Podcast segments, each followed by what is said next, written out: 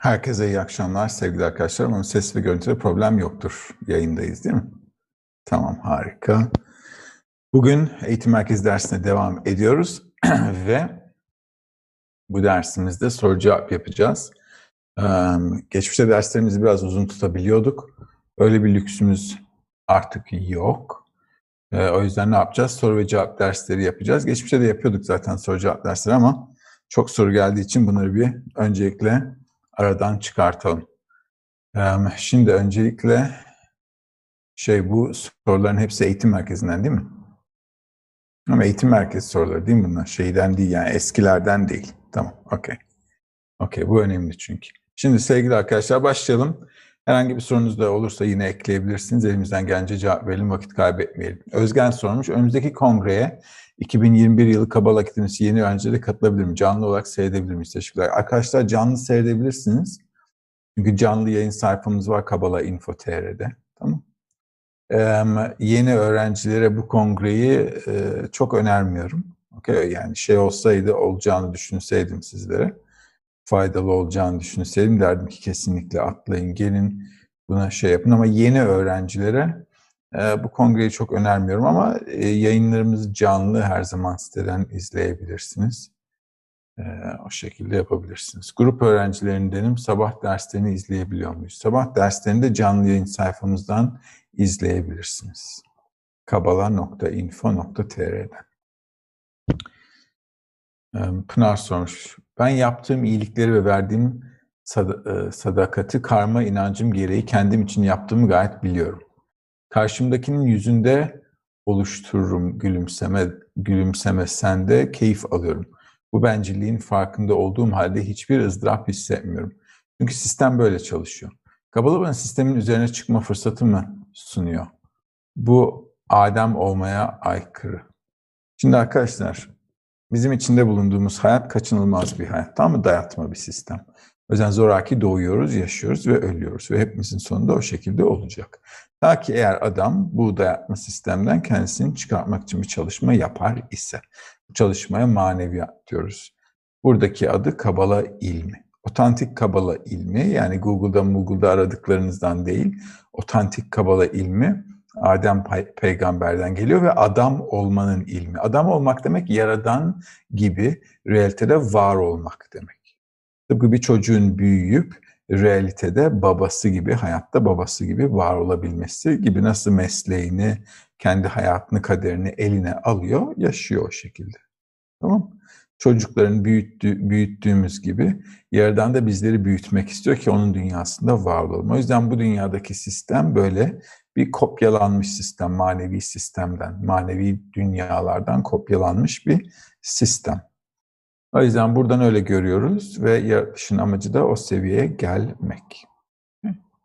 Egoist olduğunun, egoist yaptığının farkında olman iyi bir şey.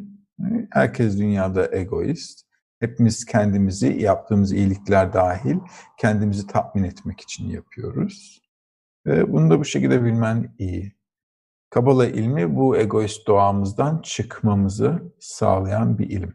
Ayça sormuş bir Kabala'da Kabala iyilik yapmak isteyen insan kötüdür derken ne demek istiyor? Biraz önce arkadaşımızın söylediği gibi diyor ki ben iyilikler yapıyorum ve mutlu oluyorum. Evet.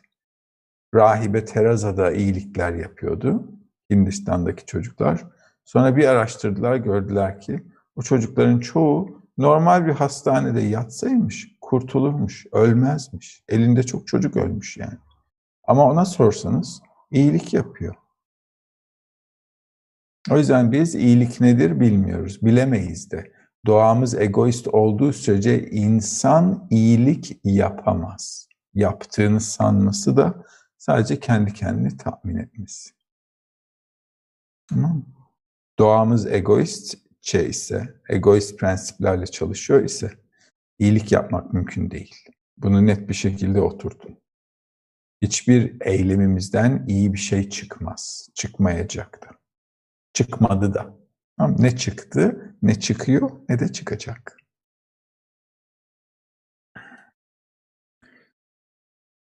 Evet. İnsanın yaratılışı olan sonsuz alma arzusuyla zıt düştüğü için mi böyle deniyor? Eğer öyleyse uyanmak istemek ve onun için çalışmak da egoya ve bütüne iyilik değil midir? Dediğim şekilde insan egoistken hiçbir iyilik yapamaz. İki sorum, ikinci sorusu arkadaşın Ayça'nın. Ayır'dan önceki kabalistlerin tefsirleri bizim algılayış ve zamanımızın gereklilikleriyle örtüşmediğinden mi okunmuyor? Tabii. Zohar kitabını okumaya çalışsak bir şey anlayamayız. Tora'yı da okumaya çalışsak bir şey anlayamayız. Birçok kitabı okusak bir şey anlayamayız. Birçok kitap şiirlerle yazılmış, ne bileyim efsanelerle yazılmış ya da kanunlarla yazılmış. Hiçbirini anlayacak durumda değiliz. O yüzden bize Rabaş ve Bağlasulan bir iyilik yaptı. 20. yüzyılın insanına uygun bir dilde yazdılar. O yüzden Rabaş'ın makaleleri bize en yakın şeyler. Ari bile bize yakın değil. Ari bize çok uzak. Bağla Sulan bile çok uzak. O yüzden Rabaş'la e, Rabaş bize en yakın kişi. Onun makalelerini o yüzden çok iyi çalışmamız lazım. Bağlı Sulam'ı bile e, anlamamız çok zor. Çok zor.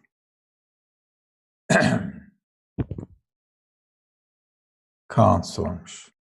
Kutsal kitaplara göre realite ağaç, ağaçtan ateş yakılıyor. Yani realite ateş gibi fakat ateş suya dönüşüyor. Bu şu mu demek?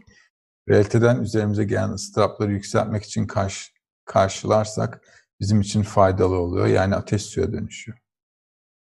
Valla felsefesiz cevap vereyim. Adama gelen her türlü tokat, tam düz sokak ağzıyla konuşmayı severim ben.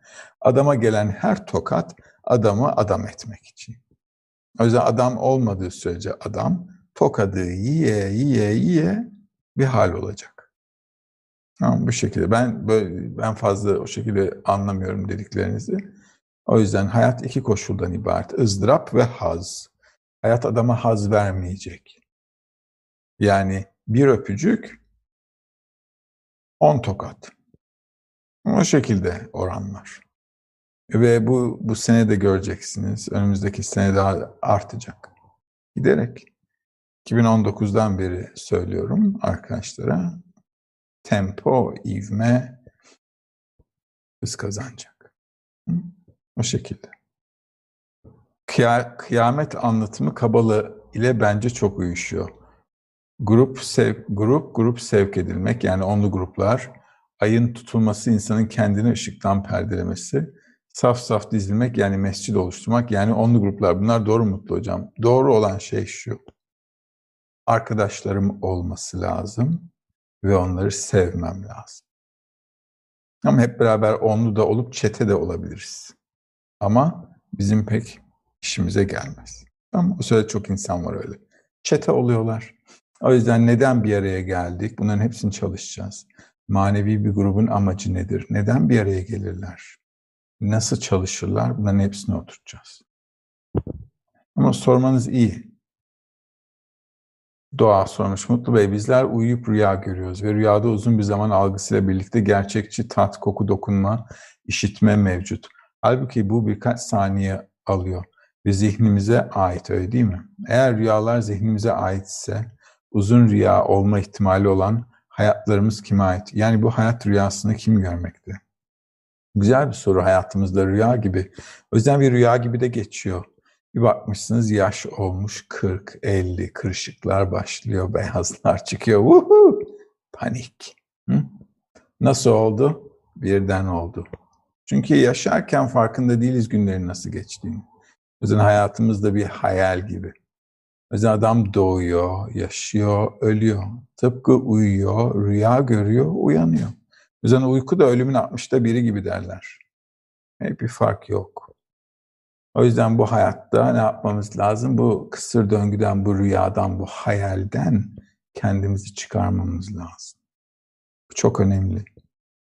İnsanın bu kısır döngüden, bu rüyadan kendisini çıkarması lazım. Mutlu Bey'in sık sık kullandığı yeni bir koşul ifadesinin tam olarak neye tekabül etmektedir? Yeni bir koşul, eğer yaşadığım belli bir süreci bitirdiysem yeni bir koşul açılması lazım bana. Yani şimdi aşmam gereken, onunla beraber çalışmam gereken yeni bir durum olması lazım. Sınıf atlamak gibi düşünelim. İnsanın işin açıkçası şöyle. İnsan eğer yeterince yani yeterli bilince sahip olmadığı için gün içinde ne yaşadığını, nasıl yaşadığını ve ne için yaşadığını anlamıyor. Ama günlerimiz o yüzden öyle geçiyor. Aa, belli bir bilinç içerisinde olan yani alma ve verme arzuları arasında olan bir kişi için her eylem, her düşünce, her hareket yeni bir koşul. O yüzden an be an olabilir yeni bir koşul. Ama bir insan değişmiyorsa hiç, onun için koşul, ya ölene kadar koşul görmez hayatında. Böyleydik, böyle gideceğiz der ve gider. Banu Cam sormuş. Diyelim ki 600 bin ruh hepimizin te, hepimiz tek bir ruh olduk. iyi çalıştık, bir bütün olduk. Musa gibi olduk diyelim. O zaman ne yapacağız? Bence oraya gelelim hele. Tamam Oraya geldikten sonra belki bu soruya ihtiyaç duymazsınız. Çünkü çocuklar gibi oyuncaklarımız vardı hepimizin. Sonra büyüdük ve şimdi sormuyoruz oyuncaklarımızla bitirince işimizi ne yapacağız diye. Doğru mu? O yüzden bu dünyada bir oyun gibi. Ve büyüdükten sonra da şimdi ne olacak diye sormuyoruz. Büyüyoruz ve önümüze bakıyoruz. O yüzden hep birlikte çalışalım, ilerleyelim, büyüyelim ve büyüdükçe göreceğiz ki sorularımız, bakış açımız da değişecek. Selin sormuş. İçinde bulunduğumuz sistemin farkında olmak, bu farkındalıkla yaşamak ve sorgulamak bir uyanış yolundayız. Yolun, yolundayızı gösterir değil mi? İçinde bulunduğumuz sistemin biz farkında değiliz. Tam kimse farkında değil işin açıkçası. Adam nerede olduğunun bir şeyin farkında değil. Kişiden tüm realite gizli. Bilmiyor ne olduğunu, nece olduğunu, nerede yaşadığını en ufak bir fikri yok. Ve bilinci de yerinde değil. Bilinci zaten yok. Ama o yüzden yarın, erte, yarını bırakın, ertesi sene yani bu dersten canlı çıkıp çıkmayacağımızı biz bilmiyoruz. Bilmiyoruz.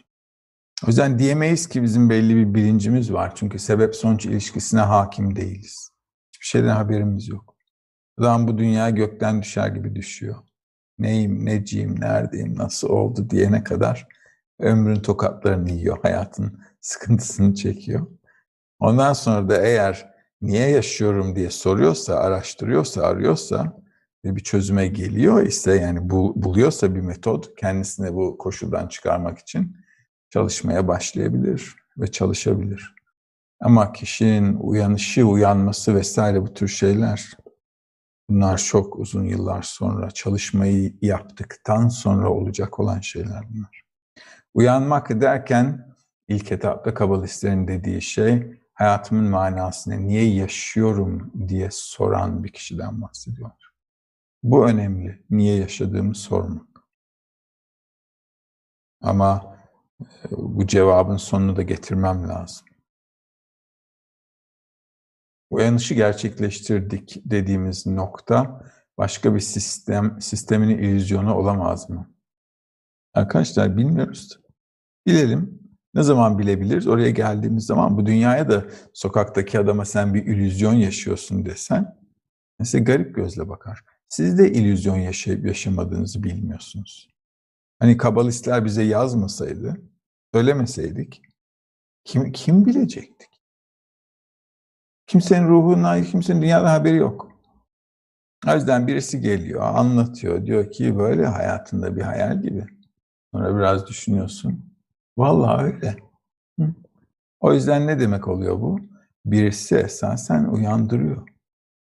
Yani uyanan birisi, uyanık birisi uyuyanı uyandırabilir. Uyuyan adam kendi kendini uyandırmaz. Dışarıdan birisi gelir, uyandırır. Durum bu. Dolayısıyla e, öyle uyanıklık falan kimsede yok. Herkes bitkisel, hayvansal seviyelerde yaşayıp gidiyor. Furkan sormuş.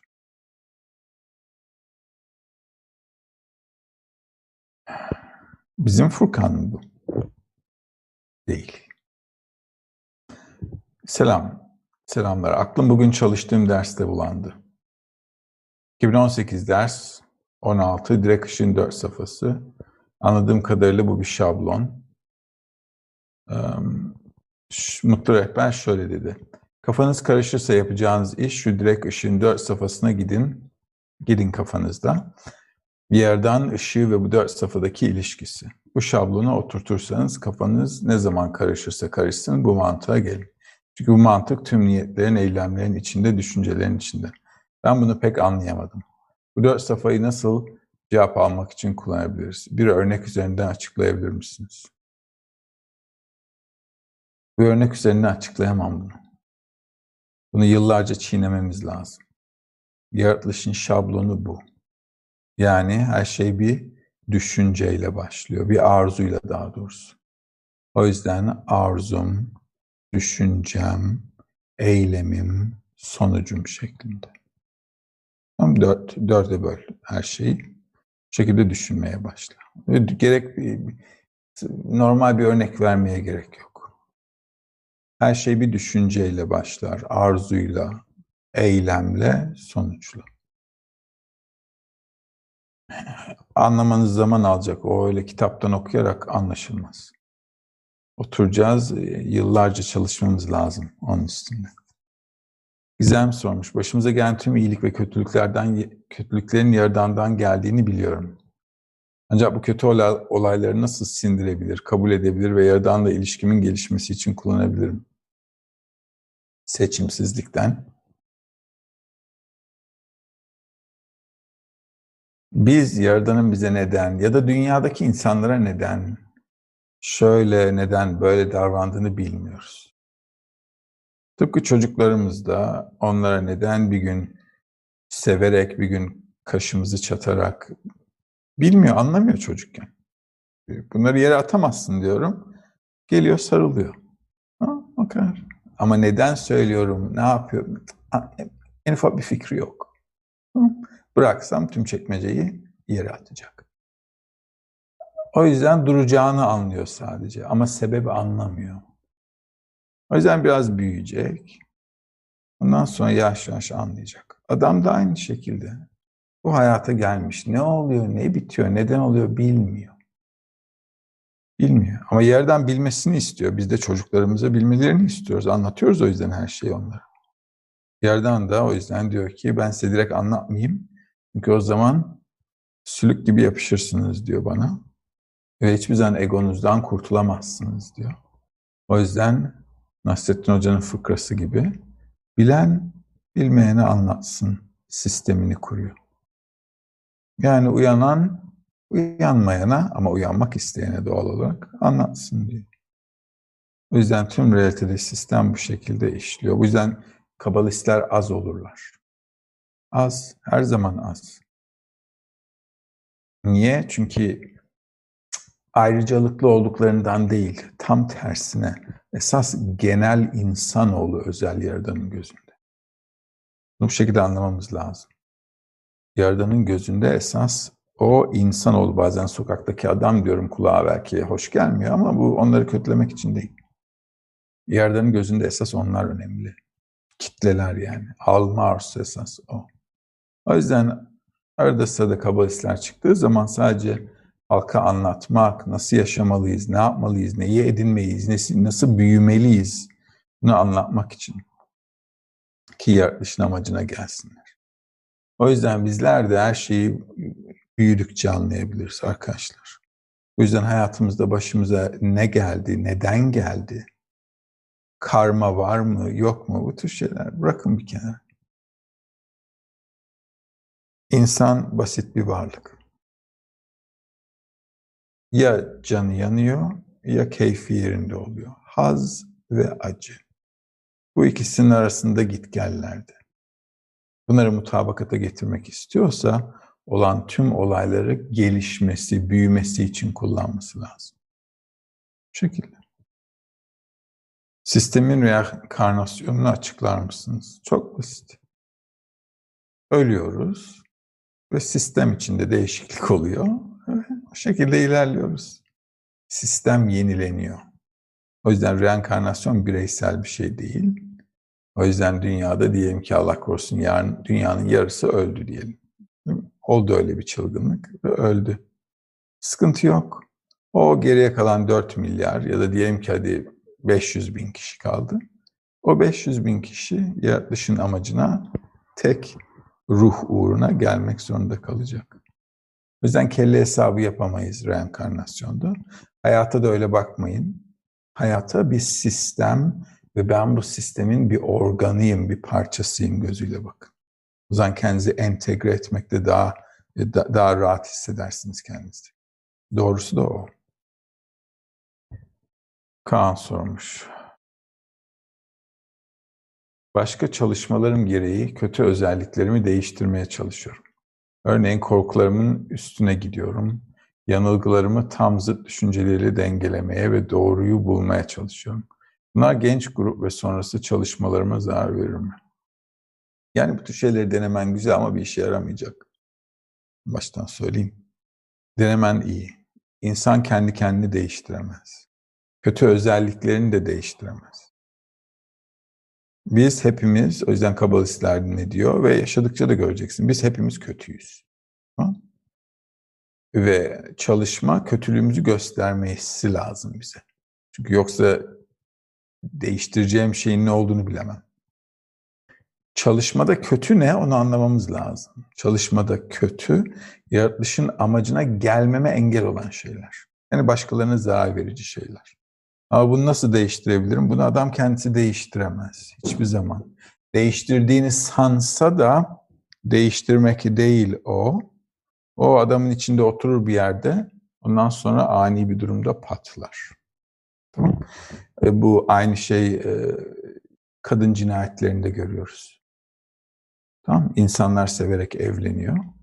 Ve hiç beklenmeyecek insanlar çılgınca şeyler yapıyorlar. Çünkü adam kendisinin ne olduğunu bilmiyor. İçimizde korkunç şeyler var ve bunlar genelde gizli şeyler.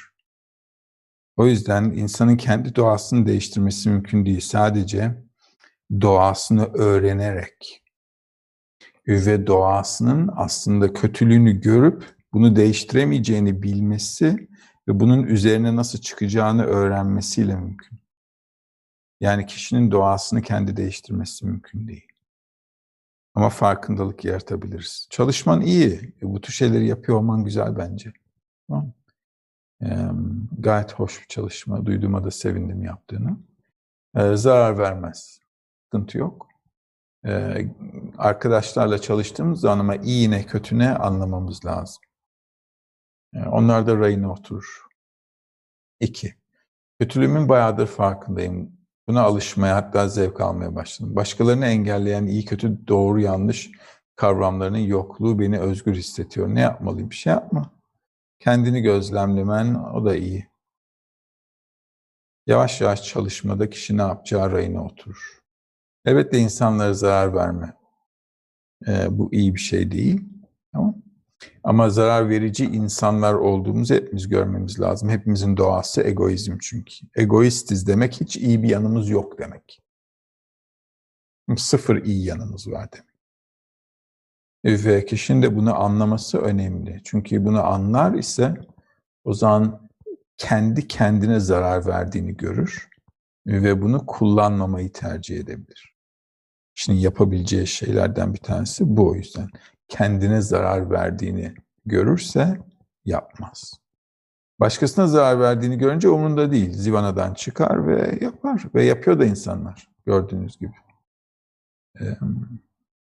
O yüzden bu başlı başına tüm insanoğlunun e, yani bize ne gösteriyor bu tüm toplumda bu kötü olayların hepsi? Tüm insanoğlunun eğitim alması gerektiğini gösteriyor bize hepimiz oturup çalışmak zorundayız diyor. Çünkü insan kendi doğasını değiştirmez. Bir yerde patlar. Ee, bunu dinlerde de yapmaya çalıştılar. Tam dinlerde ne dediler insanlar? Şöyle yapmayacaksın, böyle yapmayacaksın, çalmayacaksın, çırpmayacaksın, hatta da hutları dediler. Bir de baktık, çalıyorlar. Ama öyle demiyor. Demiyor. Ama öyle oluyor. Niye?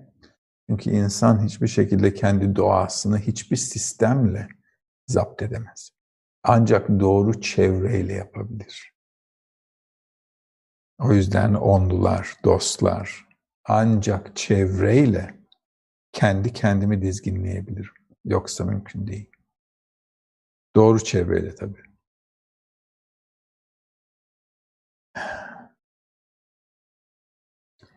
Realite ile ilgili olan derste buradaki hayatın gerçek olmadığını sonu olmasaydı kanıtladınız ama iki koşul arasında bağlantı kuramadım. Açıklayabilir misiniz? Buradaki hayatın gerçek olmadığını sonu olmasıyla kanıtladınız. Ama iki koşul arasındaki bağlantıyı kuramadım. Hangi iki koşul arasındaki bağlantı? Maneviyatla bu dünya mı? Biraz bakayım da ona göre anlayayım. Bu arada Burcu sormuş. Hocam merhaba, siz yaratanın ifşası sürecinde hangi aşamadasınız? Ne, ne fark edecek senin için? Diyelim ki 57. aşamadayım. Ne oldu? Hayatın değişti mi? Ya da vay be mi dedin, hocamız nerede? Hı? Sorularımız hep kendimize yönelik olmalı. Yani ben yarın nerede olmak istiyorum? Onun için bugün ne yapmam lazım? Tamam. Benden öyle dışarıdaki adamlar gibi şuralardayım, buralardayım, hatta da duyamazsınız. Eğer öğrenci rehber seçecekse, rehberi sorduğu soruya aldığı cevap ile seçer. Rehberin vaatleriyle, ben şöyleyim, böyleyim laflarıyla değil. Eğer yaradan arıyorsa, eğer kalbinde bir soru var ise, o zaman rehberi sorduğu soruya aldığı cevapla seçmesi lazım. Anlaştık.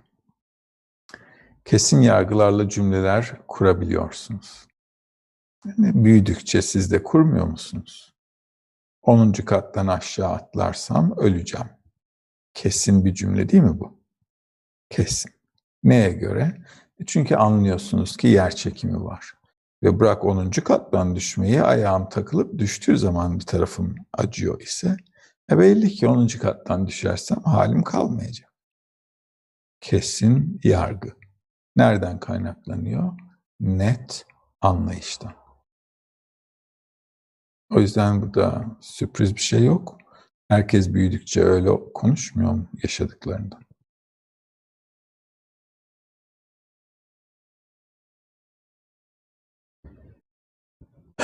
Hocam derslerde bahsettiğimiz bilgileri dışarıda yaşadığımız hayatta eşleştirmemiz mümkün mü? Manevi sadece dostlar arasında grupla çalışılır. Dışarıda değil. Dışarıda uygulamayın. Tamam Dışarıda çünkü dünyevi hayatımız var.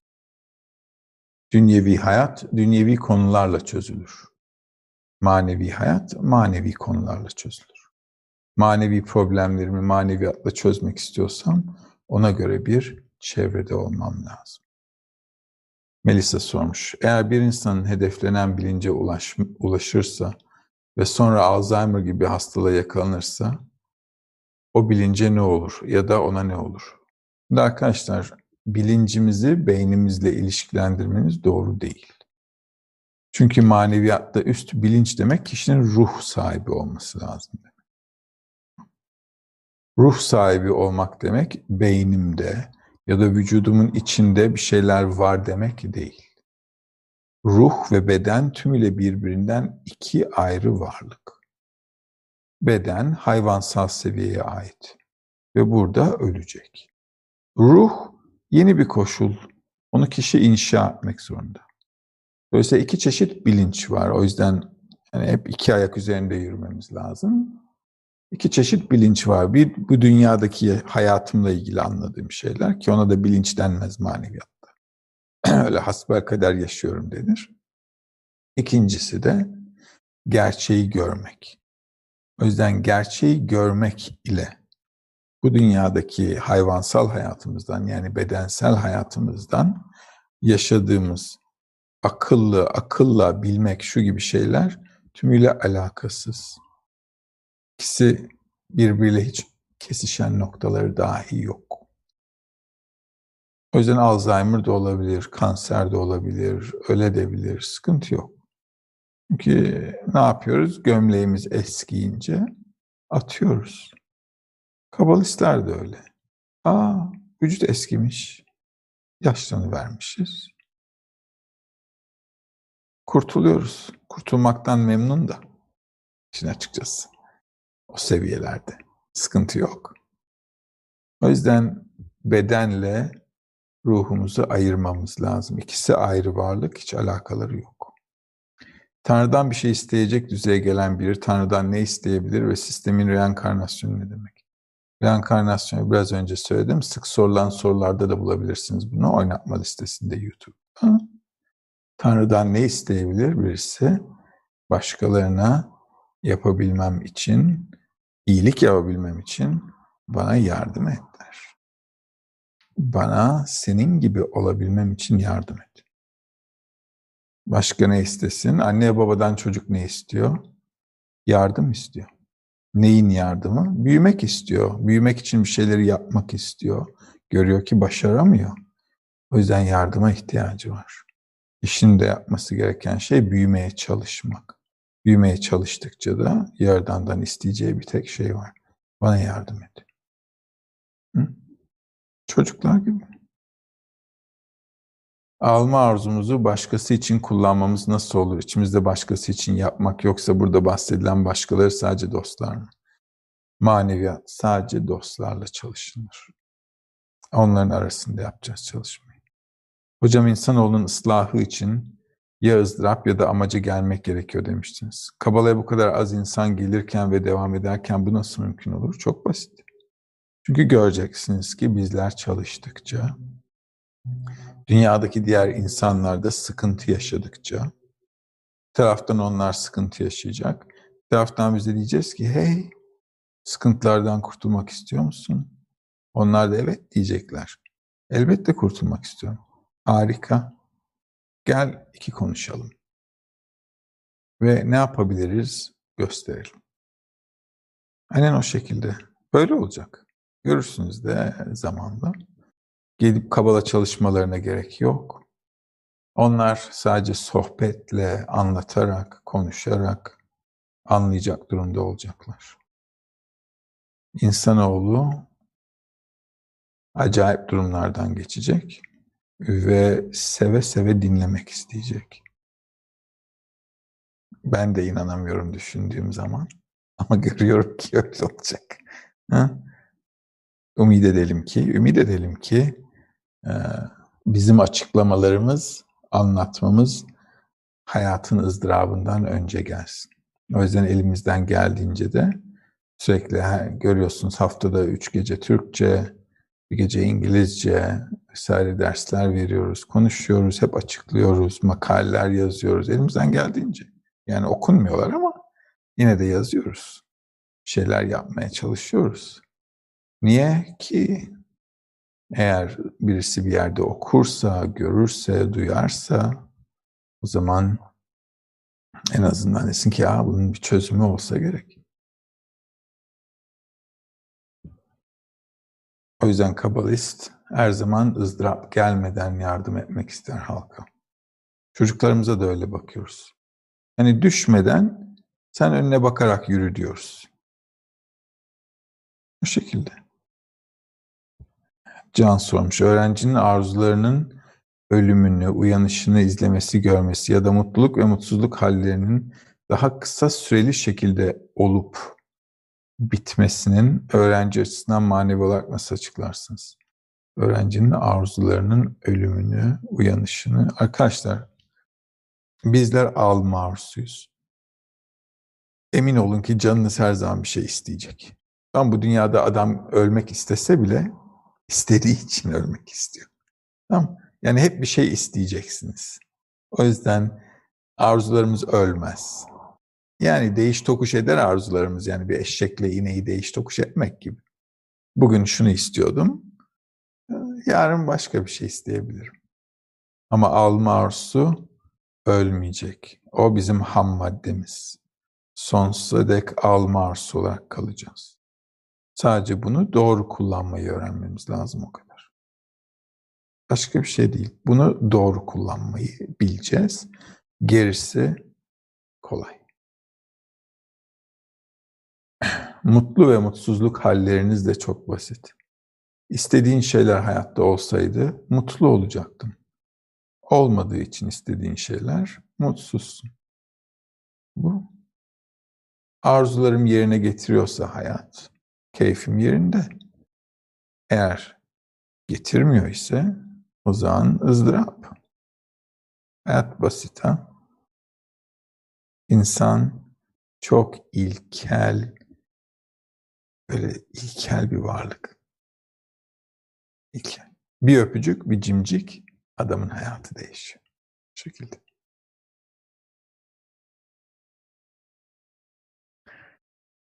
Yavuz sormuş. Selamlar Mutlu Hocam. Kaba çalışarak yaptığımız şey niyetlerimizi dolayısıyla ile eylemlerimizi belirleyen içsel yazılımı edinmemiz mi? Evet. Yani inşa etmek lazım onu. Yapması lazım kişinin. Yani kendim için olan niyetimi başkasını sevmeye, ihsa etmeye çevirmek zorundayım. Niyetim bak, arzum değil. Kitaplarda arzuların ıslahı diye geçer, kafanız karışmasın. Sadece niyetin ıslahı olması lazım. Çünkü alma arzu biziz ve hiç değişmeyecek. Hep alma arzu kalacağız. Ve sürekli dostların önemini vurguluyorsunuz. Bu vurguda amaç çevrenin tesir kuvvetini kullanarak kişiyi manevi edinimde hızlandırmak mı? Tabii. Kişi yalnız başına maneviyata edinemez arkadaşlar. Bunu hepiniz anlayın. Mümkün değil.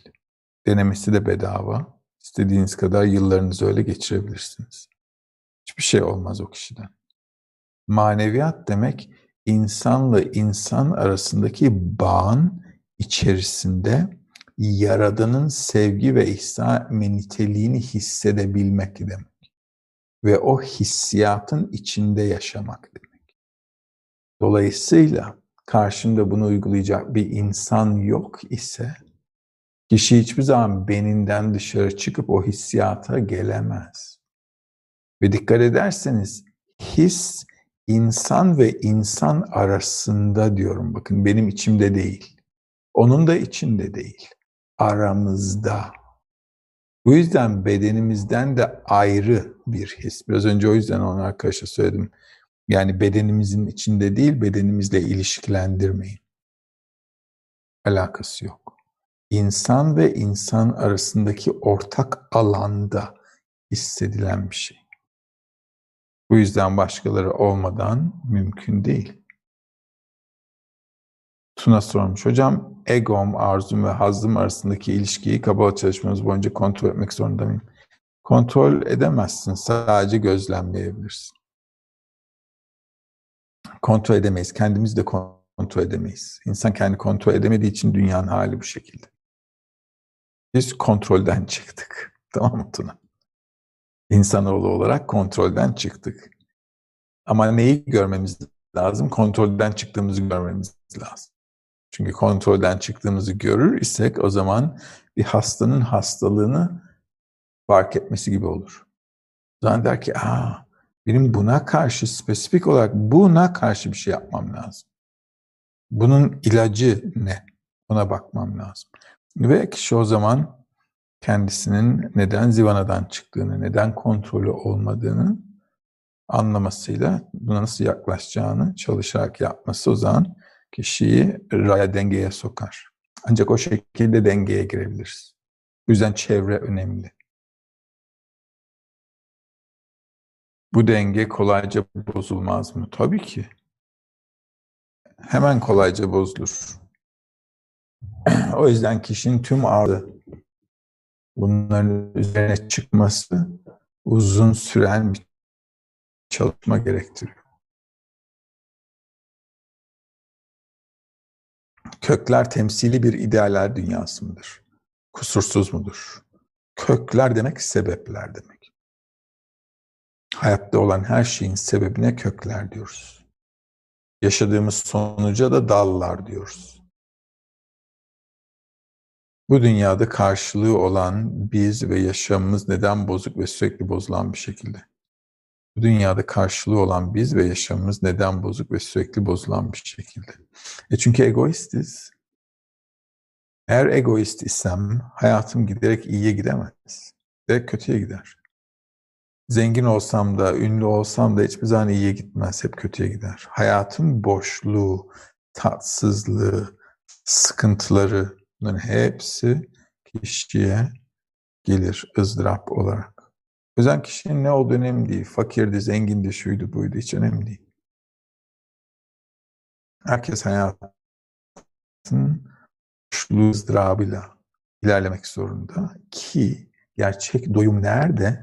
Arayabilsin öteki türlü aramaz da. O hayat çok akıllıca çalışıyor.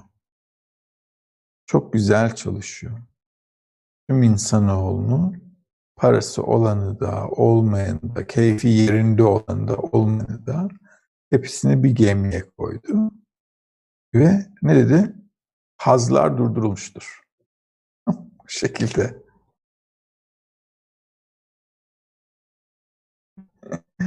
Tüm hazlar durdurulmuştur. Restoranları kapatıyorum, sinemaları kapatıyorum, tiyatro şu bu, futbol maçlarıydı. Tüm saçmalıklarınız durdurulmuştur. Bu şekilde ve geri dönüş de olmayacak. İnsanoğlu fazla beklentisi var aşılardan ama ben şimdiden söyleyeyim. Aşılar çıkmadan önce de söylemiştim. Pek bir şey yaramayacak diye. Şimdi yani, görüyoruz yaramayacağını, yaramadığını da. Sadece insanoğlunun hep bir ümidi var. Yani daha iyi olacak ümidi. Ve hayatta tutan şey de şu an yaşadıklarından ziyade gelecek ümidi.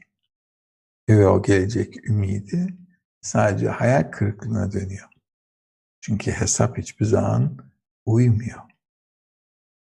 Ev ve çarşı arasında hep eski bakiye, eksi bakiye var. Bu şekilde.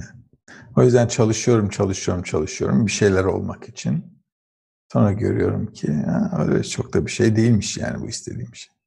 Ama ne oldu? Yıllarım gitti. Yıllar gitti. O yüzden kişi çabuk uyanırsa, hayatın amacı, yaratışın amacına doğru bir an önce hızlı ilerlemek için çalışırsa, o zaman hayatını iyiye çevirebilir. Ama bu hayatta iyi bir şey olmayacak.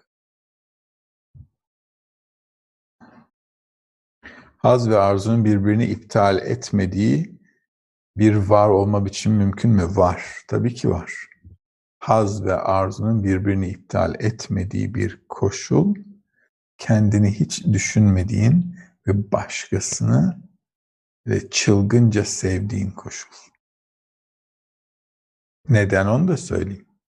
Eğer başkasını seviyor isem ve onları çok sevdiğim için sürekli onları mutlu etmeye çalışıyor isem ve onları sevdiğim için ben de onların mutluluğundan çok mutlu oluyor isem tam çocuklarımız gibi onların mutluluğu bizi de mutlu ediyor. O zaman sürekli onlar için bir şey yapabilirim ve hiç mutsuz olmam. Haz ve arzu birbirini iptal etmez. Niye? E çünkü ne kadar çok insan sevebilirsem onların da alma arzusu olduğunu bildiğim için sürekli bir arzuları olacağı için de ne kadar çok onları doldurursam onlara duyduğum sevgiden dolayı mut, mutluluğumun sonu gelmez. Gelmez. Ha sorun ne? Ha biz kimseyi sevmiyoruz. O yüzden sorun. Kendimizi doldurmaya çalıştıkça da dediğin prensip çalışıyor. Arzu ve haz birbirini iptal ediyor. O yüzden terzi kendi söküğünü dikemez derler. Yani kendi kendimi sevmeyi bırakacağım. Başkalarıyla aramda sevgi bağı olacak. O yüzden çevre var, dostlar var. Ve aramızda sevgi bağı olursa, herkes o şekilde birbirine yaklaşırsa, o zaman kimse bir şeyin eksik olduğunu da hissetmez. Ve yakında insanoğlu bunun da bu şekilde olduğunu zorla anlayacak. Çünkü karnını bile başkaları olmadan doyuramadığını görecek. O yüzden ya herkese bakmak zorundayız diyecekler, zoraki anlayışla ızdırabın yolu. Ya da diyeceğiz ki hep birlikte yo tüm halkımıza hep birlikte bakmak zorundayız. Hiç kimsenin açığı, şu su bu su eksik olmayacak. Hayat bizi bu anlayışa getirecek. Sadece ülkede de değil. Tüm dünyada. Yani diyelim ki biz buradayız, diyelim ki her şeyimiz dört dörtlük. Ama komşuda bir çocuk aç. Sadece bir tane. Ve o hepimize ızdırap getirecek. İnsanoğlu birbirine ne kadar nedenli, bağımlı, böyle sıkı prangalarla hareket ede edemeyecek şekildeyiz esasen realitede. Olduğunu görse bambaşka bir tavır alırdı. Ama gizli adama hiçbir şey bilmiyoruz realitede. O yüzden bir başkasıyla ilgili kötü düşüncemiz bile tüm dünyaya olumsuzluk getiriyor. Yoldasın, trafiktesin, birisi önüne kesti, bastın küfürü. Tüm dünyaya geçer, tüm dünyaya kötülük getirmek gibi. Bu şekilde. Çünkü biz sanıyoruz ki düşüncelerimiz bir şey yapmıyor hayatta. Niyetimiz bir şey yapmıyor. Tam tersine. Dünyadaki en güçlü güç düşüncelerimiz. O yüzden hiçbirimiz hiçbir şey yapmasak ama kötü şeyler düşünsek başımıza bir şey gelir. Kesin. Hiçbir şey yapmadan. Kesin ya bir deprem olur ya bir çatı çöker, bir şey çöker yani. Bir şey kesin gelir. O yüzden onlardan da çok göreceğiz. Doğal afetler vesaire. Ki insan yavaş yavaş sorsun. Niye karnım aç? Niye evim çöktü?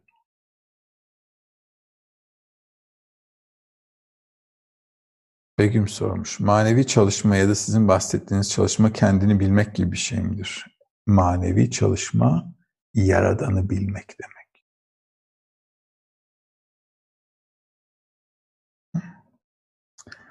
Amacı o. Murat sormuş. Kabala şükretmeye nasıl bakar? Neye şükredeceğiz? Hayat, hayata bakınca şükredecek neyimiz var? Bugünü de tok geçirdik de diyecek miyiz? Öyle mi? O şekilde ölecek miyiz ondan sonra? Şükredebileceğimiz arkadaşlar, yani şükretmek kötü bir şey olduğu için söylemiyorum. Şükretmek iyi bir şey ama ne, ne, neye, neye göre şükrediyorum? Bugünü de doyduk, geçirdik, yarın öleceğiz deyip şükredersek, yani o bizim arkada, arka bahçedeki tavukların yiyecek buldukları zaman keyiflerinin yerine gelmesi gibi olur ama iki gün sonra keseceğim bir tanesini. Yani ne, ne, neye şükredeceğiz? Bu önemli. Ne için? Kabımızı büyütmek için haz alma hissimizi büyütmek ve karşılaştırır isek şükür etmenin kabalıdaki yeri nasıldır? Şükretmem için yerden haklı görmem lazım. Yani bana yaptıklarından dolayı ona e, bu konuda haklıydı diyebilmem lazım. Kuru kuru şükredilmez. Özen adamın başına gelen şeyden yolda ilerleyişi için bir anlam çıkarması lazım. Sonra demesi lazım ki ben Yaradan'ın yerinde olsaydım ben de aynısını yapardım. O zaman şükredebilirim. Niye? Çünkü beni getirmek istediği yakınlığa hizmet eden bir koşul aldım. Ve o şükretmeye değer.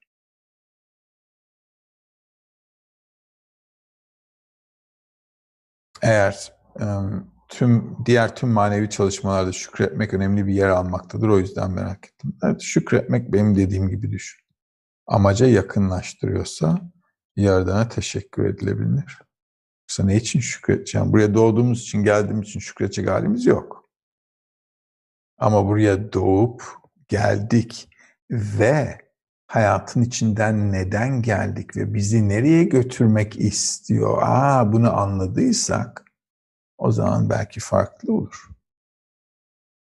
Sokaktaki adamlar genelde şükrederken bak ölümden sonraki kafalarında ölümden sonra olacak şeylere yönelik hesap yaptıkları için. Tamam. Ve bu çok bencilce bir hesap. Çünkü Yerdan'la aramı bozmak istemiyorum. Buna da şükür diyorum. Ve Yerdan ne yaptıysa yaptı. Öldük ama şimdi cennet var. Hı? Bu şekilde şükür olmaz. Anlamlı da değil. Mantıklı da değil, anlamlı da değil, akıllıca da değil. O yüzden her zaman maneviyat çalışırken amaca yönelik ölçmem lazım her şeyi.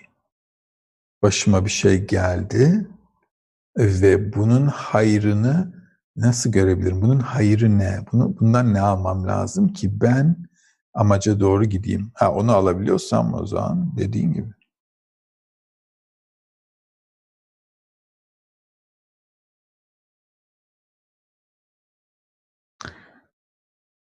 Burak sormuş, iyi akşamlar. Yaz ki bozulsun kavramından bahsetmiştiniz. Bunu biraz açabilir misiniz? Bu arkadaşlar bizim için şu anda değil. Şu anda bizi ilgilendiren şeylerden bahsedelim.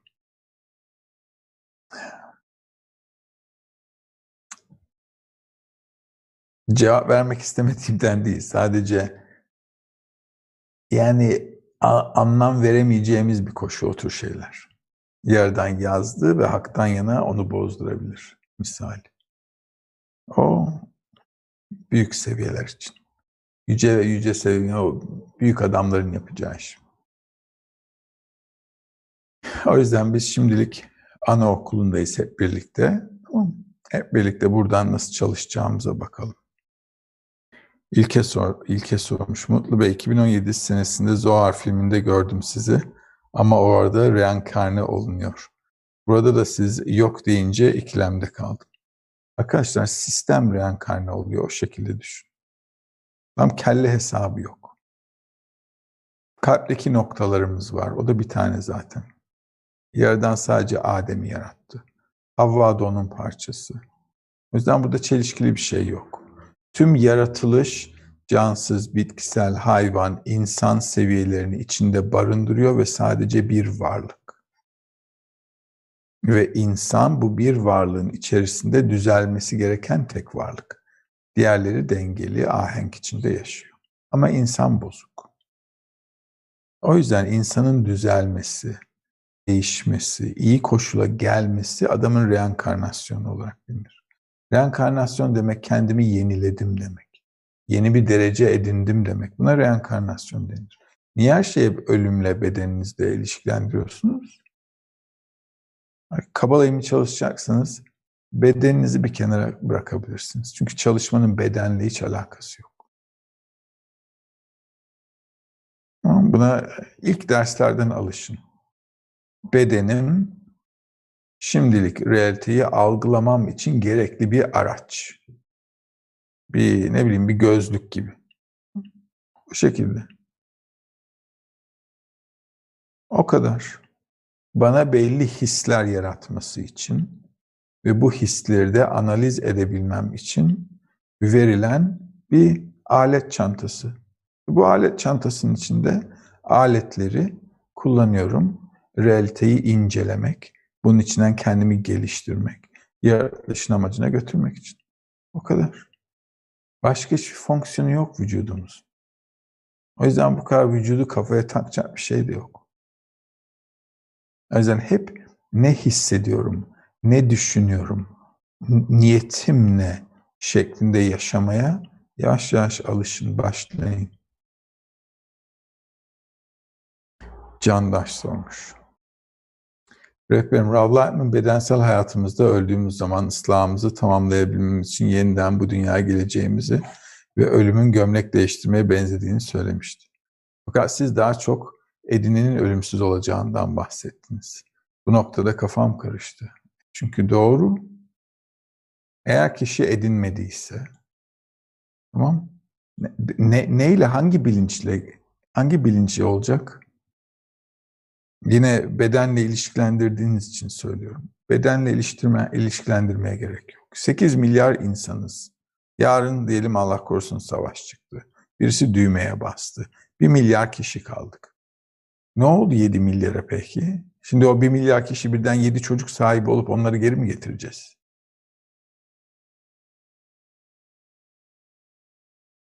Hı? Burada bir sistem işliyor. O yüzden yapmamız gereken şey hep birlikte sistemin içindeki yerimizi edinmek. Eğer sistemin içindeki yerimi edinir isem o zaman sistemin içinde yaşadığım için bedenimden bağımsız olurum ve o zaman bedenim öldü ölmedi sıkıntı değil. Önemli de değil. Saçlarınızı kestiğiniz zaman sıkıntı oluyor mu? Yani kötü bir berbere gittiyseniz olur. Psikolojik olarak. Ama onun dışında yok. Canınız yanıyor mu? Yanmıyor. Niye? Çünkü saçlarımız bitkisel seviyeye ait. Tırnaklarımızı kestiğimiz zaman acımıyor. Onlar da bitkisel seviyeye ait. Etimiz, kemiğimiz hayvan seviyesi. Yani e, etimiz, kemiğimiz değil. Etimiz, organlarımız hayvan seviyesine ait. Ve biz hayvansal bir hayat yaşıyoruz. O yüzden cimcikledikleri zaman acıyor. İnsan seviyesi hayvanın üstünde. O yüzden o seviyede yaşadığınız zaman hayvana ne olursa olsun saçınızı kesmişler gibi. Sıkıntı yok. O yüzden o seviyeleri edinelim. Göreceksiniz ki olay burada kaç kişi olduğumuz değil. Olay burada ne olduğumuz. Tam kalitesel olarak düşünmemiz lazım. Miktar değil, kalitesel olarak düşünmeye başlayalım.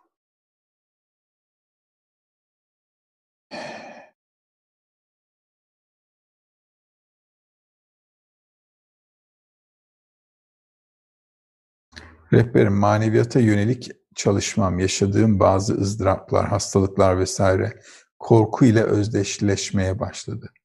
Yani yapacağım en ufak bir hatada gene sopa yiyecekmişim hissi ve eğer çalışmaz isem hatta çalışsam dahi sopa ile beni bekleyen bir yerden varmış hissi. Yerden ile özleştirdiğim merhamet korkutan ve sinirli bir yerden figürü ile yer değiştirdi. Ve bu beni mental ve fiziksel olarak çok yoruyor. Benim çelikten sabrım yok ve düşmekten korkuyorum. Ne yapmalıyım? Çevreye tutunmalısın. Çevreye tutunmalısın. Yerden iyi. Merak edecek bir şey yok. Tamam Güven bana. Tecrübeden konuşuyorum. İyi, iyilik yapan gerçekten de öyle. Biz bazen kabalistler biraz anlatırken biraz ipin ucunu kaçırıyoruz herhalde ondan kötüymüş gibi geliyor size yerden. Yerden iyi. Yerden hepimizi bir yere getirmek istiyor, büyütmek istiyor. Bizden muazzam bir şey yapmak istiyor. Ve bunu yaparken de anlayış vermek istiyor. O yüzden ızdırap ve haz iki zıt koşul. Ama bize şimdi bu koşulda yaşadığımız için acı, ızdırap, korkutucu geliyor ama maneviyat çalışalım. Acı ve ızdırabın üzerinde yaşayabileceğiniz bir alan var. Ve o alanda yaşadığınız zaman o zaman işin boyutu bambaşka bir şey oluyor. O zaman sizi o zaman sizi yönlendiren şey acı ızdırap değil.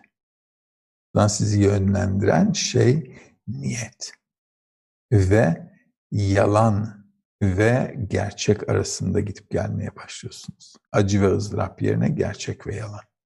O yüzden hayatımız şimdi bize burada kabus gibi gözükse de biz durumu tam değerlendiremiyoruz iyi o yüzden. Ama çalıştıkça değerlendireceksiniz. Göreceksiniz ki burası bir oyun alanı. Ve burada oyun oynayabiliriz. Burası esasen realitede oyun oynayabileceğimiz tek yer. O yüzden yerden güzel bir alan yarattı bize. ızdırap çekmek zorunda değil kişi. Çalışırsa Kabala ilmini ızdırap çekmez. Nedenini de söyleyeyim ben size. Çünkü olayın sebebini anlayan kişi ızdırap çekmez.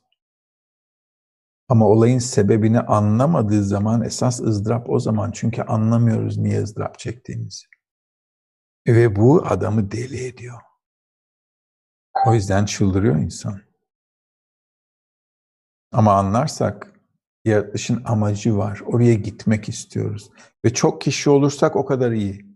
Çünkü ne kadar çok kişi olursak o kadar çok şey yapabiliriz. O kadar çok birbirimizden olumlu hava alabiliriz. O yüzden çok arkadaşın gelmesi de iyi.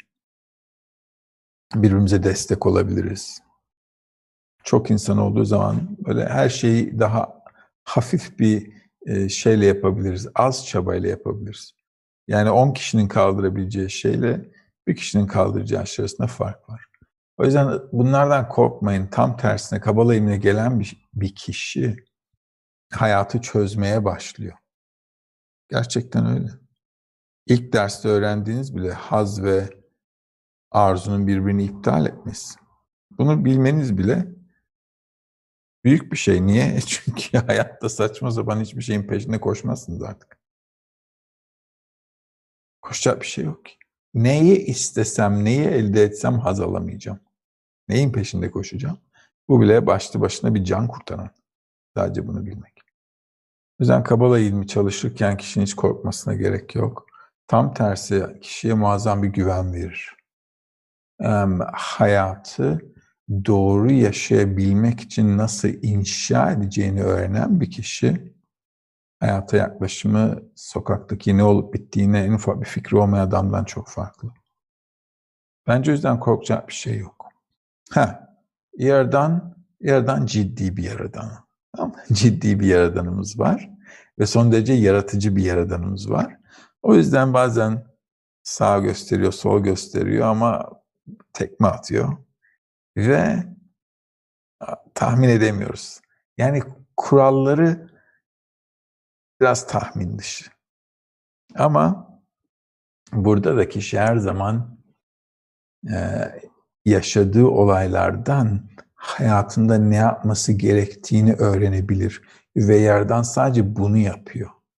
Adamın kendisini hoş hissetmemesinin tek bir sebebi var. İnatçı olduğu için. Eğer hayattaki olan olayları çözebilseydi ve deseydi ki ha başıma bunlar geliyor ben şunları şunları değiştirmem lazım diyebilseydi sıkıntı olmazdı. Ama yok yine eski tas eski yaman ben yine şöyle yapacağım böyle yapacağım diye gidiyor. Yerden çaresizlikten adamı kasmak zorunda. Adamı öteki türlü adamın hiç ızdırap çekmeden büyütebilir. Kişiye bağlı. O da çevrede. Çünkü çevre bana doğru yolu gösterebilir. Kişi hiçbir zaman doğru yolu bilmiyor. Çünkü Almars'un peşinden koşuyor. Bilmiyor ki. Ama çevre derse abi sakin ol, rahat ol. Bunların peşinden koşarsan iyi olmayacak. Okey? Ama bunu arkadaşlar bana derse şimdi aa, danışmanlık gibi, danışmanlık hizmeti gibi.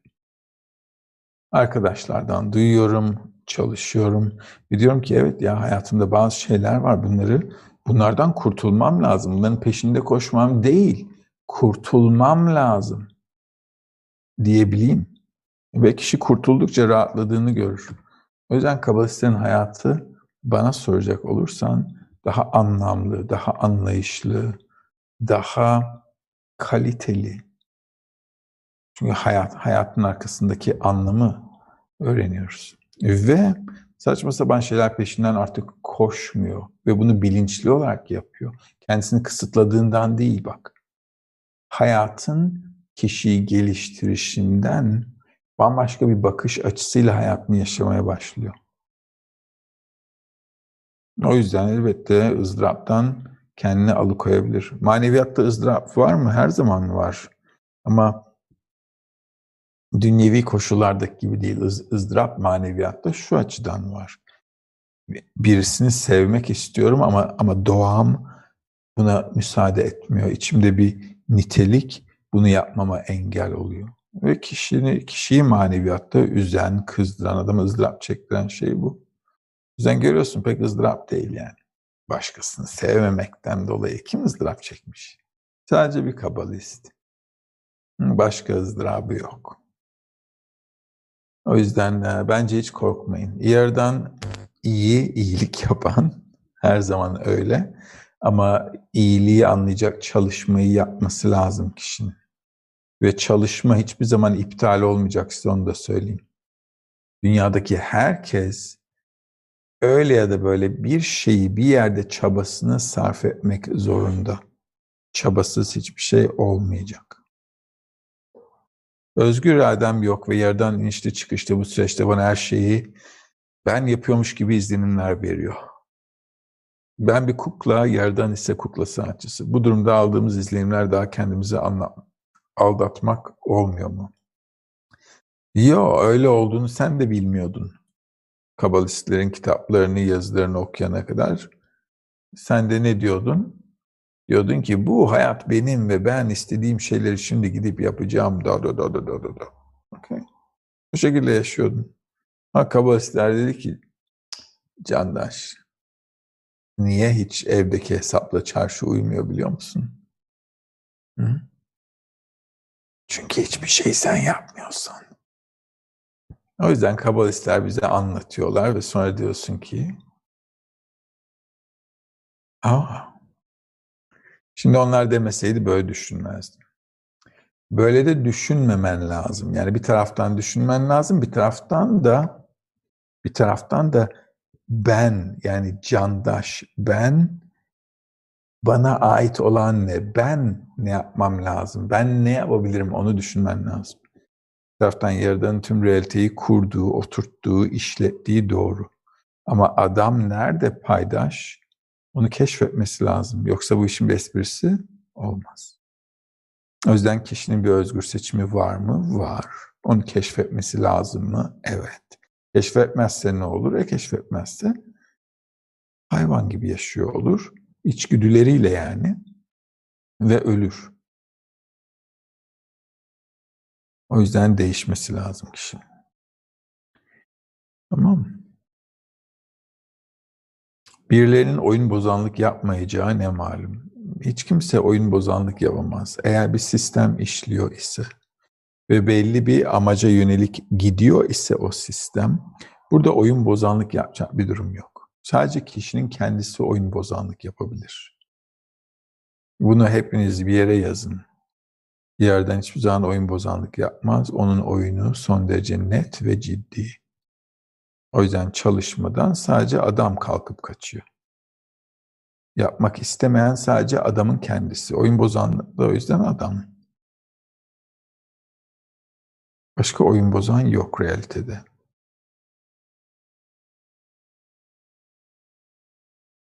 Ondan sonra diyeceksiniz ki çalışmayı yapma noktasında özgür irademiz var. dedim şimdi. Doğru. O halde birilerinin oyun bozanlık yapmayacağı ne malum? O sana kalmış. Sadece sen, ben, yaratılış ve yaradan. Yaradan yaratılışı idare ediyor. Sen de yaratılış, içinde kendini idare edeceksin ona doğru. O yüzden oyun bozan sadece kişi biraz önce dediğim gibi. Yapmak isteyene de yerden tokat atıyor. Yapmak isteyene de istemeyene de tokat atıyor. Doğru. İsteyene de istemeyene de. Herkese tokat atıyor. Doğru.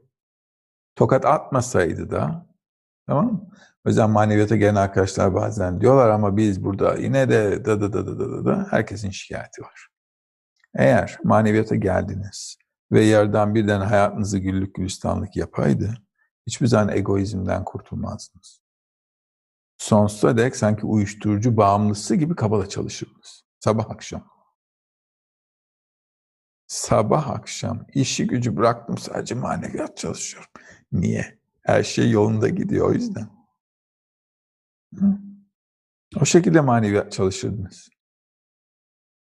Öyle nasıl ilerleyeceksiniz? Bu iyi işe girmiş bir adamın deli gibi severek çalışmasına benzer. Niye? İyi maaş alacak. O yüzden yerden kişiye kasten olaylar getiriyor ki neden? Alma arzundan seni sıyırmak için. Ona bağlı kalma diyor. O senin prangaların. Seni esir eden, hayatını yiyip bitiren o. Seni oradan çıkarmak için ne yapması lazım? Zorlaması lazım. Çocukları da büyütürken zorluyoruz. Hep. Yapmak istemediği birçok şeyi zorla yaptırtıyoruz. Yo bunu da yapacaksın, şunu da yapacaksın, da da da da da da. Okey? Niye? Tek türlü büyümez. Yerden de kişiyi büyütmesi için, yani egoizminden sıyırtabilmesi için adamı mecburen kasmak zorunda. Okay. O yüzden kötü kötülük yapmıyor bize. O güzel bir söz var Mevla'nın. Ne diyor? Halıyı asıyorlar. Halı dövme sopasını getirip halıyı dövüyorlar. Tamam Ne diyor orada? Halının ne umrunda ki? Halıyı dövmeleri. O tozundan, toprağından kurtuluyor. Temizleniyor yani. O yüzden kişi de hayatın zorluklarıyla olgunlaşıyor, arınıyor gelişiyor. Ve sonra görüyoruz ki her şey göreceksiniz de ileride yerden bizimle oyun oynuyor gibi. Ve saçma sapan şeylere kafayı taktığınızı göreceksiniz. Saçma sapan şeylerden sinir krizleri geçireceksiniz. Sonra da ertesi gün kahkaha atacaksınız. Ey Allah'ım bunu da yaptın ya diyeceksin. Olay ne olacak? Ben hayat Yaradan aramızda bir diyalog haline gelecek. Başka türlü yapamazdı.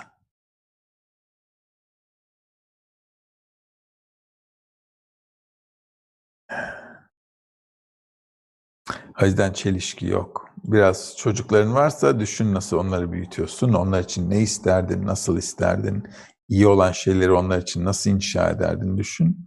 Göreceksin bazen çare yok. Arıcan sormuş. Dünyaya sıkışmış varlıklar, reptilyan, demon, peri olduğu ve bunları insanın daha yüksek bilinçli düzeylere veya daha yüksek enerjilere erişmelerini engelledikleri iddia ediliyor. Bu konuda Kabala'nın bakış açısı nedir? Valla bu konuda Kabala'nın bir bakış açısı yok. Çünkü genellikle bu tür yani biz delilerin ilgilendiği şeylerle ilgilenmiyoruz.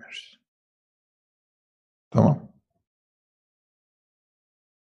Yok demonlar varmış. Yani bizler Netflix dizilerine göre varsayımlarda bulunamayız. Okay? O yüzden kabalayım öyle şeyler yok. Net olmamız lazım. Ben ve hayat karşı karşıyayız. Periler de yok.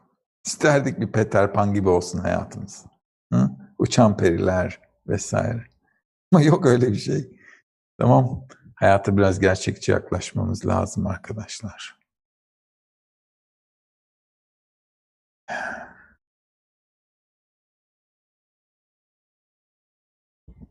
Aynur'a sormuş. Mutlu rehberim, maddi dünyayı ve manevi dünyayı ayrı tutmamızı söylemiştiniz.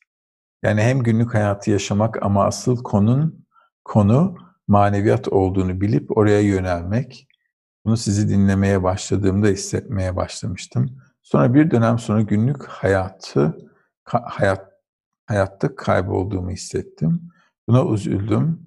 E, şey hayatı, günlük hayatı kaybettiğimi tam anlamadım.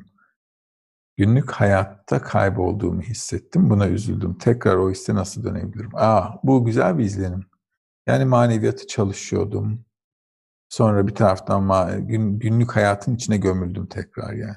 Okey? Tamam. Okay. Yapman gereken şey çevreye daha iyi tutunmak. Başka çaremiz yok. Şimdi bak tüm düşüncelerimiz, arzularımız çevreden geliyor.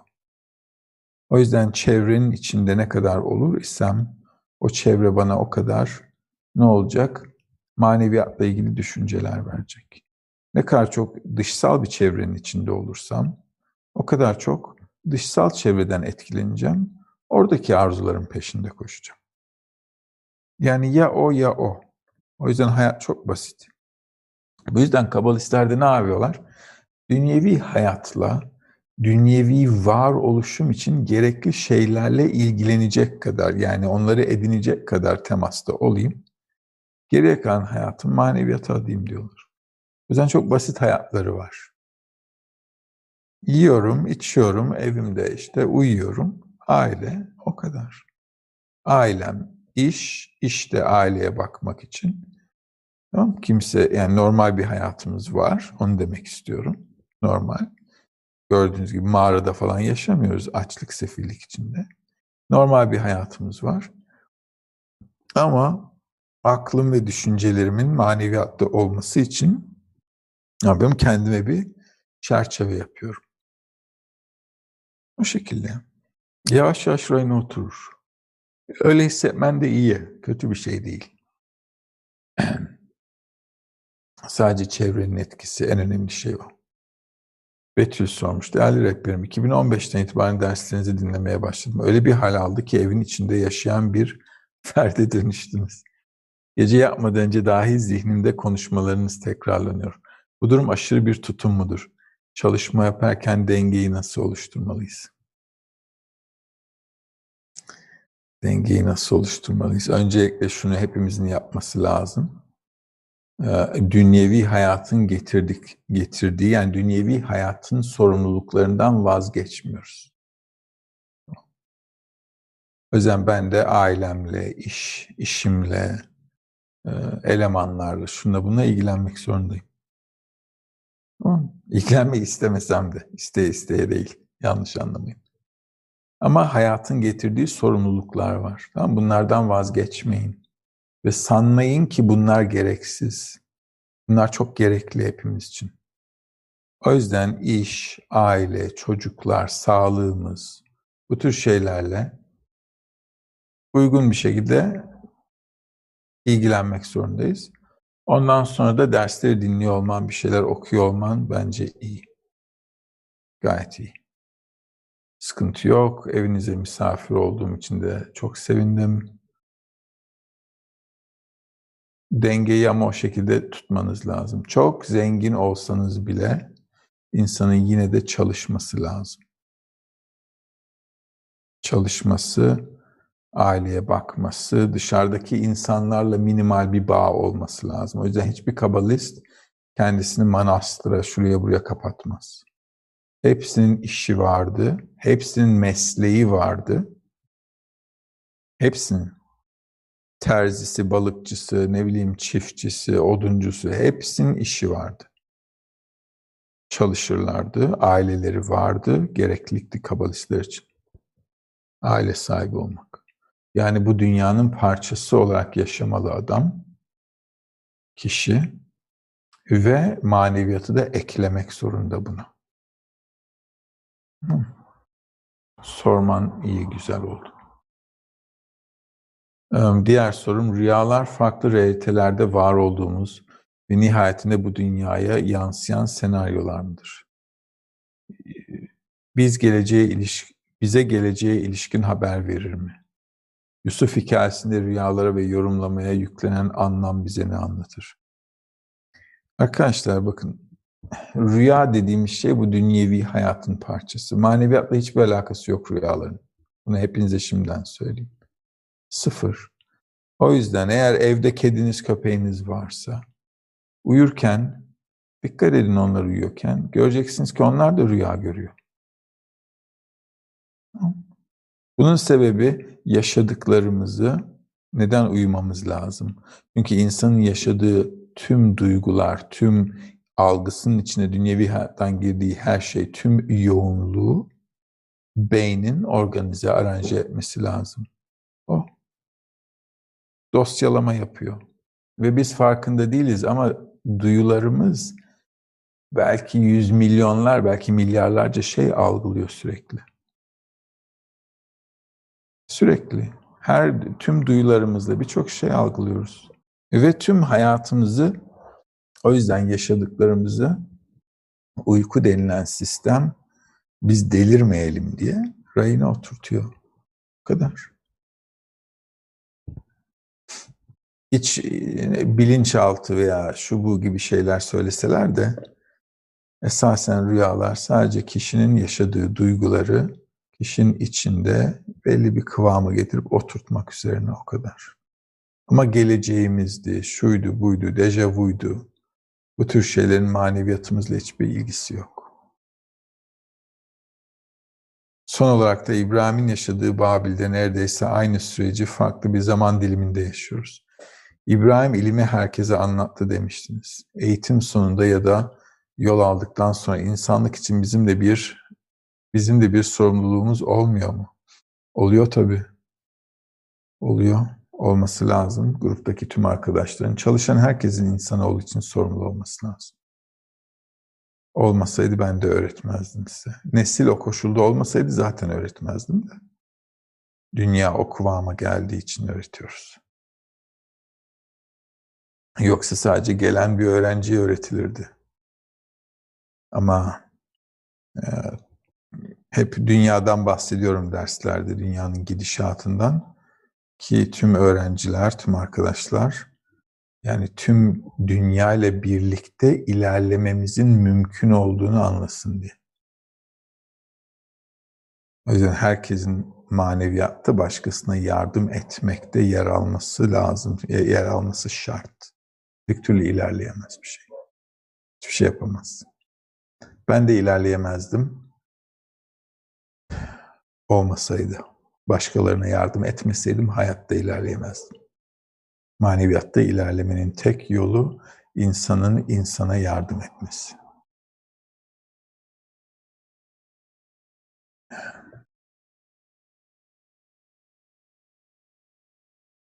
Su sormuş.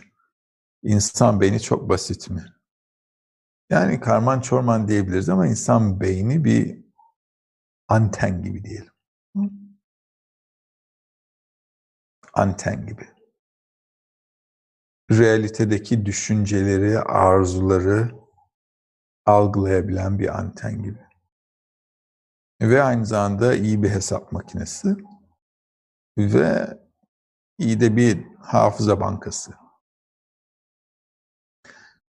İçindeki hafızalara göre, tecrübelerimize göre ne yapıyoruz? Hatırladıklarımıza göre hesap yapıyoruz ve minimal çaba, maksimum getiri hesabıyla çalışan bir makina.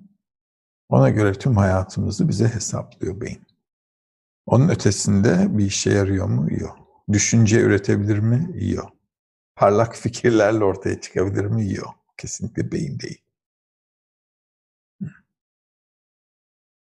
Ama ne yapıyor? Vücudumuzda ente, vücudumuzu idare ediyor. Sistemi işletiyor yani, işletmeci. Fatih sormuş. Anlattıklarınız bana mantıklı geliyor ama kafamda karışmadı desem yanılır. Kaynaklar arasında saydığınız kitaplar var. Lakin Kur'an'a değinmiyorsunuz. Kur'an Kabala'nın neresinde? Kur'an yaratıcıdan gönderilmiş olmak, gönderilmiş olarak görülmüyor mu Kabala ilminde? Arkadaşlar Kabala ilminin başlangıç ve bitiş noktası Adem'le başlıyor. İkinci tapınağın yıkılmasıyla bitiyor. Yani dinlerden önce bitiyor Kabala ilmi. Hı? Dinler ikinci tapınak yıkıldıktan sonra başlıyor. Yahudilik dini de ikinci tapınak yıkıldıktan sonra başladı. Yanlış bir anlama var. Sanıyorlar ki Musa peygamber Yahudilik dinini getirdi. Yok öyle bir şey. Yok öyle bir şey. Yahudilik dini ikinci tapınak yıkıldıktan sonra Beit Knesset dedikleri bir grup kabalistin 70 taneydi sanıyorum. Bir grup kabalistin oturup bu halk maneviyattan koptu ve bunları tümüyle kopmaktan alıkoymak için bir sistem geliştirmemiz lazım deyip dini vecibeleri oluşturdular. Ve ilk o İbrahim bazlı semavi din mi diyorlar Türkçe ona? Nasıl diyor? O dini, o ilk Yahudilik dini, semavi dinlerin ilk Yahudi, din, Yahudilik dini, özellikle ikinci tapınak yıkıldıktan sonra o kabalistler tarafından oturtuldu. Yani ne Yahudilik diniyle alakası var, ne Hristiyanlıkla ne de Müslümanlıkla alakası var. Bunların hepsinden önceydi.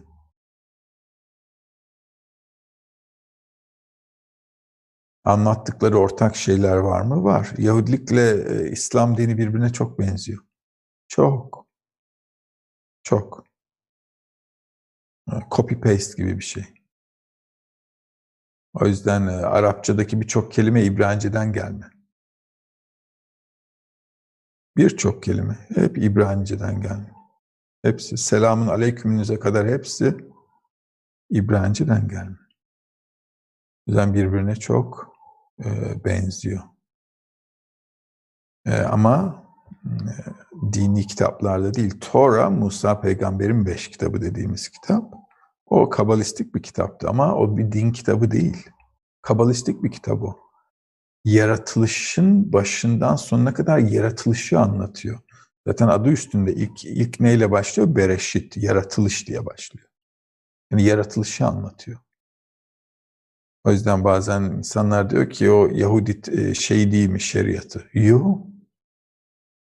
Yaratılışın başından sonuna kadar anlatıyor. İlk kelimesi de zaten bereşit, yaratılış.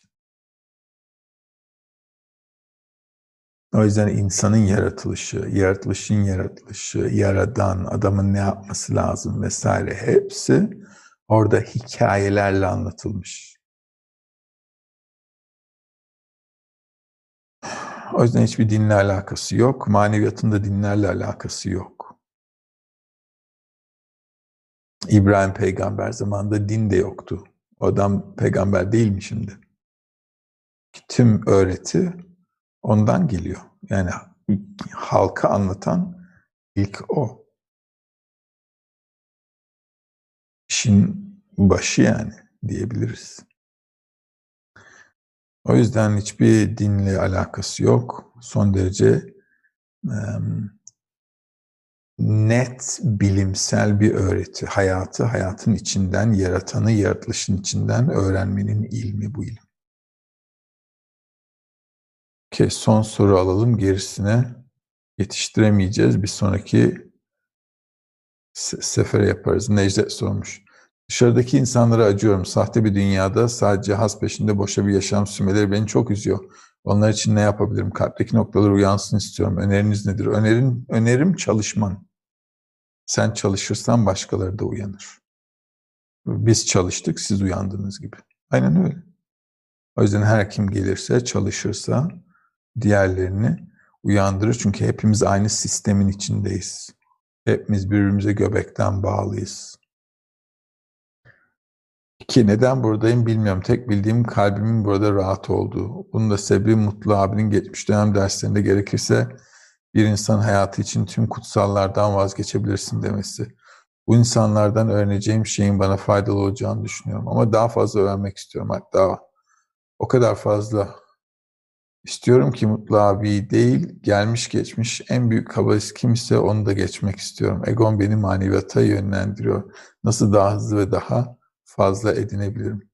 Her gün biraz çalış. Tamam Ama dediğim gibi dünyevi hayattan taviz verme. İyi böyle arzulaman güzel. Herkesi geçmek istiyorum, yapmak istiyorum. Yap. Hiç karşı değilim. Dünyevi hayatında da vecibelerinden, dünyevi sorumluluklarından vazgeçmeden hem dünyevi hayatın hem maneviyatını yapabilirsin, edinebilirsin boş vaktini ay- ayırabilirsin maneviyata, ilerlersin, sıkıntı yok. Ee, üçüncü sorusu rehberim benim de zaafım sizinkiyle aynı. Türkiye'ye zaafım var ve ülkemden bir roş çıksın istiyorum. Üzerime daha fazla görev, görev edinmek istiyorum. Ne yapabilirim? Her gün biraz çalış. Her gün biraz çalışırsan ne yapacağın, nasıl yapacağın her şey netleşir. Okey. Sıkıntı yok. Hepimiz biraz çalışırsak her gün hep birlikte her şeyin üstesinden gelebiliriz de göreceksiniz ki sadece hayatta her şey hep birlikte olursak üstesinden gelinir. Bununla birlikte dersimizi tam 9.30'da bitiriyoruz. Sevgiyle kalın. Kendinize iyi bakın. Bir sonraki derste görüşürüz.